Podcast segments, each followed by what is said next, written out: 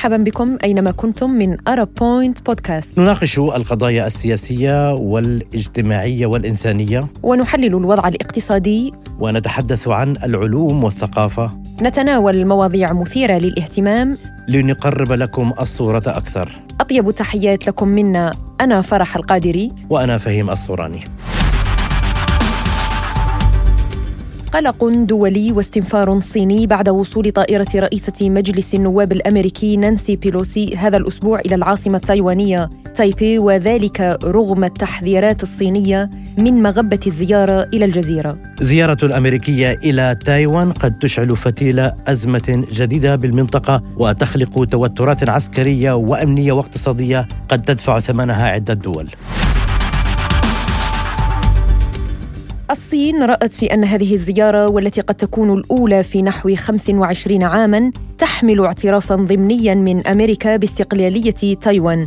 والتي تعتبرها الصين جزءا اساسيا من أراضيها. فيما تنفي واشنطن ذلك وتطالب بكين بعدم القلق وإنه لا يوجد أي داعي لتحويل هذه الزيارة إلى أزمة ومن ثم استخدامها كذريعة لأي نشاط عسكري. تصعيد سياسي جديد في العالم وهذه المرة في آسيا، الصين وتايوان وتدخل أمريكي على الخط. لماذا هذه المرة تايوان وما أهداف واشنطن من زيارة مثيرة للجدل في توقيت يشهد فيه العالم بشكل عام زعزعة وتوترا بعد الأزمة الروسية الأوكرانية ولماذا تصر أمريكا على خلق مثل هذه الاستفزازات والتوترات وهذا الملف سيكون عنوان نقاشنا لهذه الحلقة مع الدكتور حيدر سلمان الخبير في الشؤون الدولية.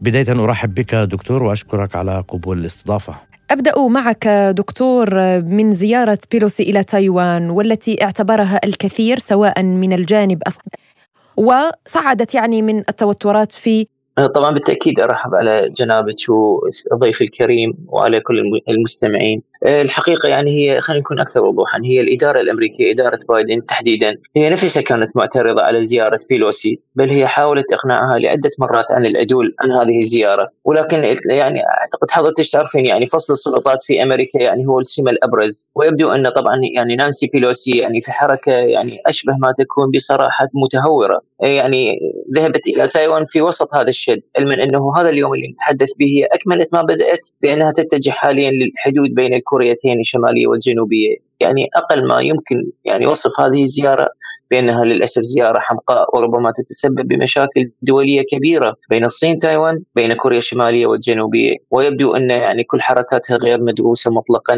وأقرب ما يمكن تصوره أن هي في محاولة حمقاء لتسويق الحزب الديمقراطي في الداخل الأمريكي. دكتور يبدو أنه في محاولة ل يعني إحراز إنجاز ما امريكيا داخل الحزب الجمهوري معروف تكون من المرات النادر التي يكون فيها رئيس مجلس الشيوخ ورئيس البلد في نفس الوقت من نفس الحزب.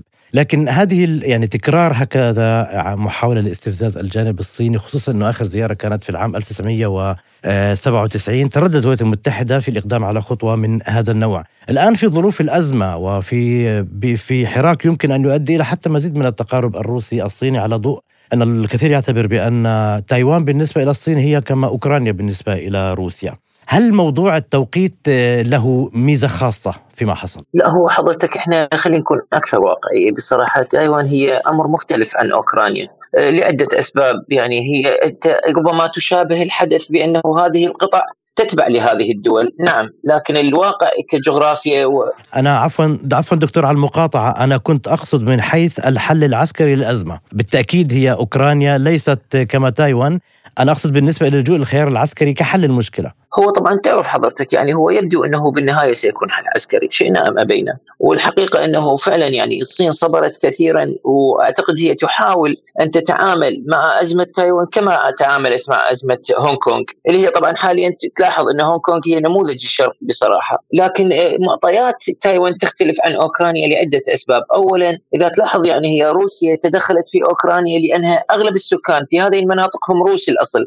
وهم يحنون كثيرا للعوده إلى البلد بلد الأم. في حين تايوان يعني كل سكانهم مضادين للصين. والنقطة الثانية يعني عدا عن هذا وذاك طبيعة المنطقة جغرافيا عن أوكرانيا باعتبار أن روسيا ملاصقة تماما لأوكرانيا والجزئين يعني لا يمكن التفريق بينهم حتى ولو كانت هناك أحداث سياسية جيوسياسية، لكن تايوان والصين أعتقد إنه ستكون المهمة شاقة جدا على الصين، لكن بالتأكيد جنابك سيكون هناك حل عسكري في نهاية المطاف، شئنا ام أبينا، لكن مسألة نقول التحالف الصيني الروسي حضرتك يعني يجب أن تعلم إن هذا التحالف اليوم يعتبر وجودي للدولتين العظمتين، بل هو يكاد يقرن بعظمتهم أمام هذا يعني لا يمكن للصين أن تتنازل عن روسيا وهي حاليا الدولة العسكرية الأولى، ولا يمكن لروسيا أن تتنازل عن الصين وهي الدولة الاقتصادية الأولى. حركات الحزب الديمقراطي حضرتك يعني هي في محاولة لمحاولة نسمي إحنا ليست فقط للتسويق للداخل وإنما محاولة إنقاذ ما يمكن إنقاذه مع التراجع الأمريكي بشكل واضح على المستوى الاقتصادي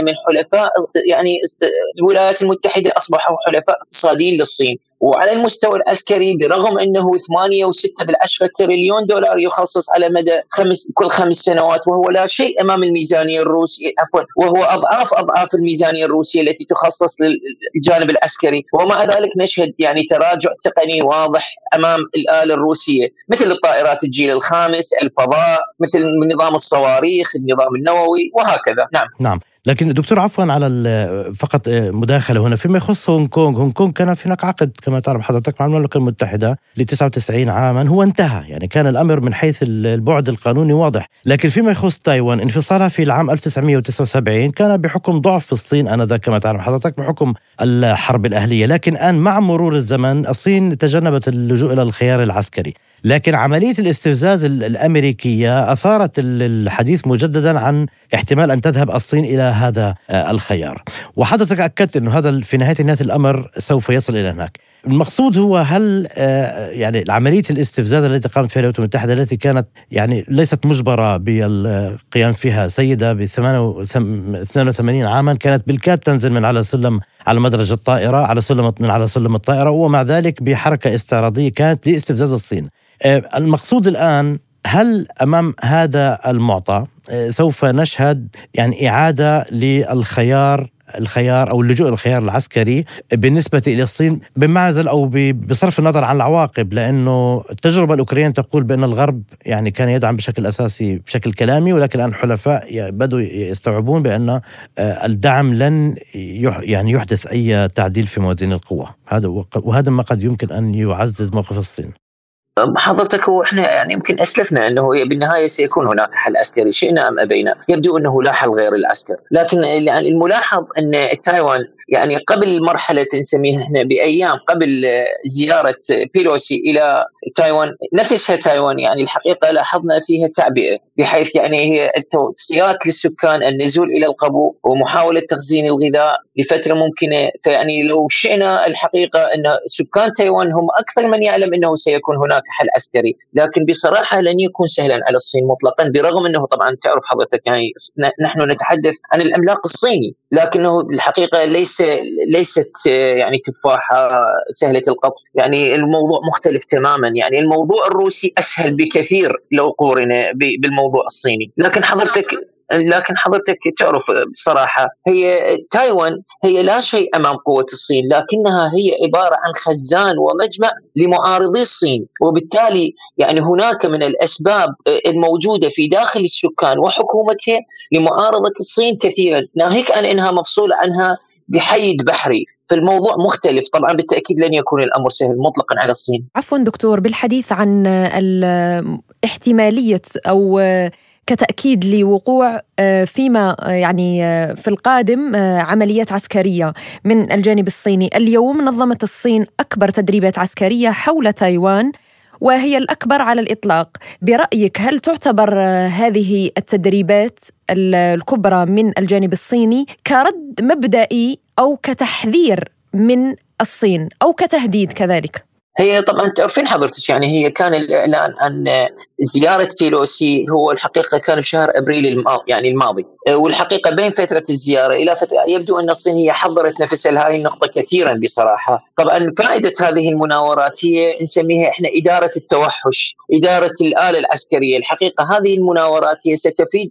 كثيرا فيما لو أقدمت الصين على عملية نسميها عسكرية لاستعادة ما هو لها. طبعا تعرفين حضرتك يعني تايوان بالوضع الدولي والمجلس الامني الامن هي لا زالت تعتبر جزء من الصين يعني لو شئنا الحق. وعملية إعلان حتى الولايات المتحدة لا تعترف بانفصال نعم بالتأكيد. لكن هذه الزيارة فقط اعتبرتها يعني الصين أنه اعتراف ضمني من قبل أمريكا. لا جنابك أنتم يعني حضرتك ست فرح والأستاذ فهيم كلاكم على حق. الولايات المتحدة هي تعتبرها كدولة مستقلة على مستوى مجلس الأمن لكن على المستوى الداخلي هي تعاملها من ضمن ال 14 حليف استراتيجي كدولة مستقلة تماما في كل شيء. تعاملها بهذه الطريقة. بل إن حلفاء الولايات المتحدة بصراحة كلهم يعاملون تايوان على إنها هي دولة مستقلة لكن من غير اعتراف أممي. فالأمرين صحيحين لو لو شئنا الحق. لكن هل من الممكن أن يستمر هذا الوضع لفترة طويلة؟ لا بالتأكيد لا. يعني ميزان القوى العالمية حاليا يختلف يوما عن يوم. وهذا الاستعراض العسكري اللي هو موضع الحديث الحقيقة لو أقدمت الصين على عمل عسكري سترين إن نصف نصف قوة تايوان في مواجهة الصين لن يجد له طريق، لأن هاي العملية هي زرع الخوف في مقابل قبل الإقدام على أي عمل عسكري. طيب دكتور بالحديث الآن عن التحرك أو الخطوات التي يمكن أن تتخذها بكين، يعني لنعود إلى حرب البلقان وتذكر حضرتك في العام 1991 قصفت طائرات الناتو السفارة الصينية في بلغراد وأنذاك أصدرت الصين ما يسمى بالتحذير رقم 101 101 تحذير وتهديد لم ينفذ منهم أي تهديد. الآن هل أنا أصبحنا أمام صورة مختلفة؟ طبعا حضرتك يعني خلي نكون أكثر واقعية. هي الدول العظمى كانت يعني القوتين المتنافستين كانت هي الاتحاد السوفيتي بالمرتبة الأولى وتأتي بعدها الولايات المتحدة. اللي حقيقة الصين كانت دولة هامشية وضعيفة وتعتمد في كل حروبها هي عبارة عن دفاعية على أراضيها عضو في مجلس الأمن في العام بالتأكيد. 91 عضو في مجلس الأمن. بالتأكيد. بالتأكيد جنابك هي الحقيقة هي الدول العظمى من ضمن الأمم المتحدة هي خمس دول، لكن أنت بخارج روسيا والولايات المتحدة بقية الدول كانت تعتبر ضعيفة نوعا ما، يعني بريطانيا اليوم هي تعتبر دولة هامشية، لكنها لا زالت تعتبر دولة عظمى على مستوى مجلس الأمن. الحقيقة أن الصين يعني شهدت منذ منتصف التسعينات إلى اليوم الذي نتحدث فيه قفزة نوعية على مستوى الاقتصاد والعسكر لكن هناك فجوة كبيرة في المستوى العسكري بينها وبين روسيا وبين الولايات المتحدة. وتحامل تحاول ملء هذه الفجوة كثيرا بتحديث معداتها من الجيل الخامس كطائرات من مستوى الصواريخ الترسانة النووية الأسلحة التقليدية لكن لا زالت هذه الفجوة كبيرة. علما أن إنها تحاول ملء هذه الفجوة بالتقارب مع روسيا كثيرا إذا تلاحظ، بل إن مستوى أداء جيشها بدأ يقل الاعتماد على ما يسمى بالأمواج البشرية والأفواج، وأخذ يعتمد على ما يسمى بنظام أعتقد يمكن لاحظت البارحه نظام الصواريخ اللي استعرضته ونظام الراجمات وهو أمر جديد تماما على على الصين التي كانت تعتمد على ما يسمى بالموجات البشرية واستخدمتها في كوريا إذا تذكر على أيام الحرب الكورية. نعم، بالنسبة أيضا للعقوبات هل هل تعتقد أن الصين ستتخذ موقف آه، آه، في شن مجموعة من العقوبات على تايوان كحل مبدئي لعدم تفاقم الأزمة؟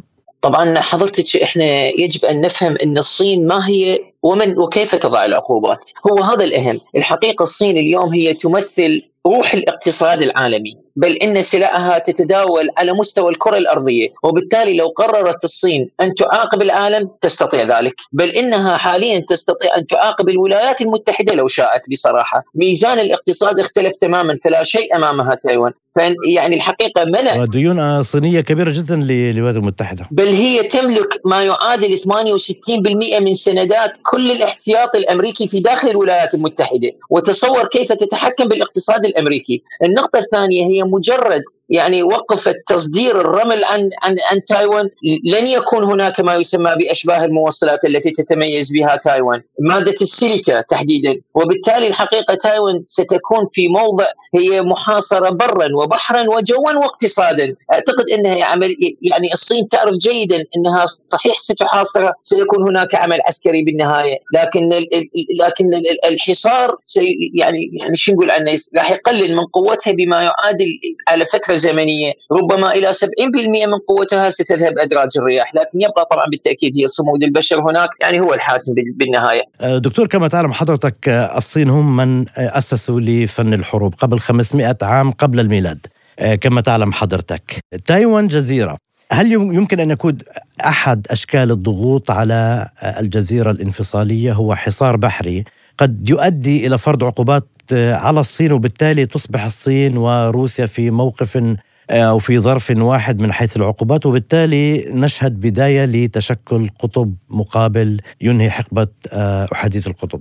طبعا حضرتك يعني يعني إحنا خلينا نكون أكثر واقعية. يعني تايوان يعني هي لا تشكل شيء للصين يعني مجرد حصارها برا وبحرا وجوا مثل ما قلنا الحقيقة هو يكفي لإسقاطها لو شاءت الصين حتى لا تتدخل عسكريا على مدى الزمن. لكن الحلف الروسي الصيني يعني ومنظومه بريكس أعتقد حضرتك سابقا استضفتنا على موضوع منظومة بريكس. يعني يتجه بشكل سريع جدا لتحديث المنظومة الاقتصادية الساندة لمنظومة مجتمعية جديدة تماما. وبالتأكيد يعني الحقيقة راح يكون هناك منظومة قانونية ومنظومة دولية مختلفة بل منفصلة تماما. الحقيقة الصين هي يعني ليش هي الولايات المتحدة تنظر لها هو الخطر الأكبر؟ هي لا تنظر لروسيا الخطر الأكبر برغم إنه طبعا إحنا قلنا إنه روسيا هي الأقوى عسكريا لكن هي تنظر إنه كل ما أسست الولايات المتحدة منذ عشرينيات القرن الماضي سيذهب أدراج الرياح عند الصين عندما يتحول كل المنظومة اللي نعرفها حاليا من أمم متحدة ومجلس آمن ومنظومات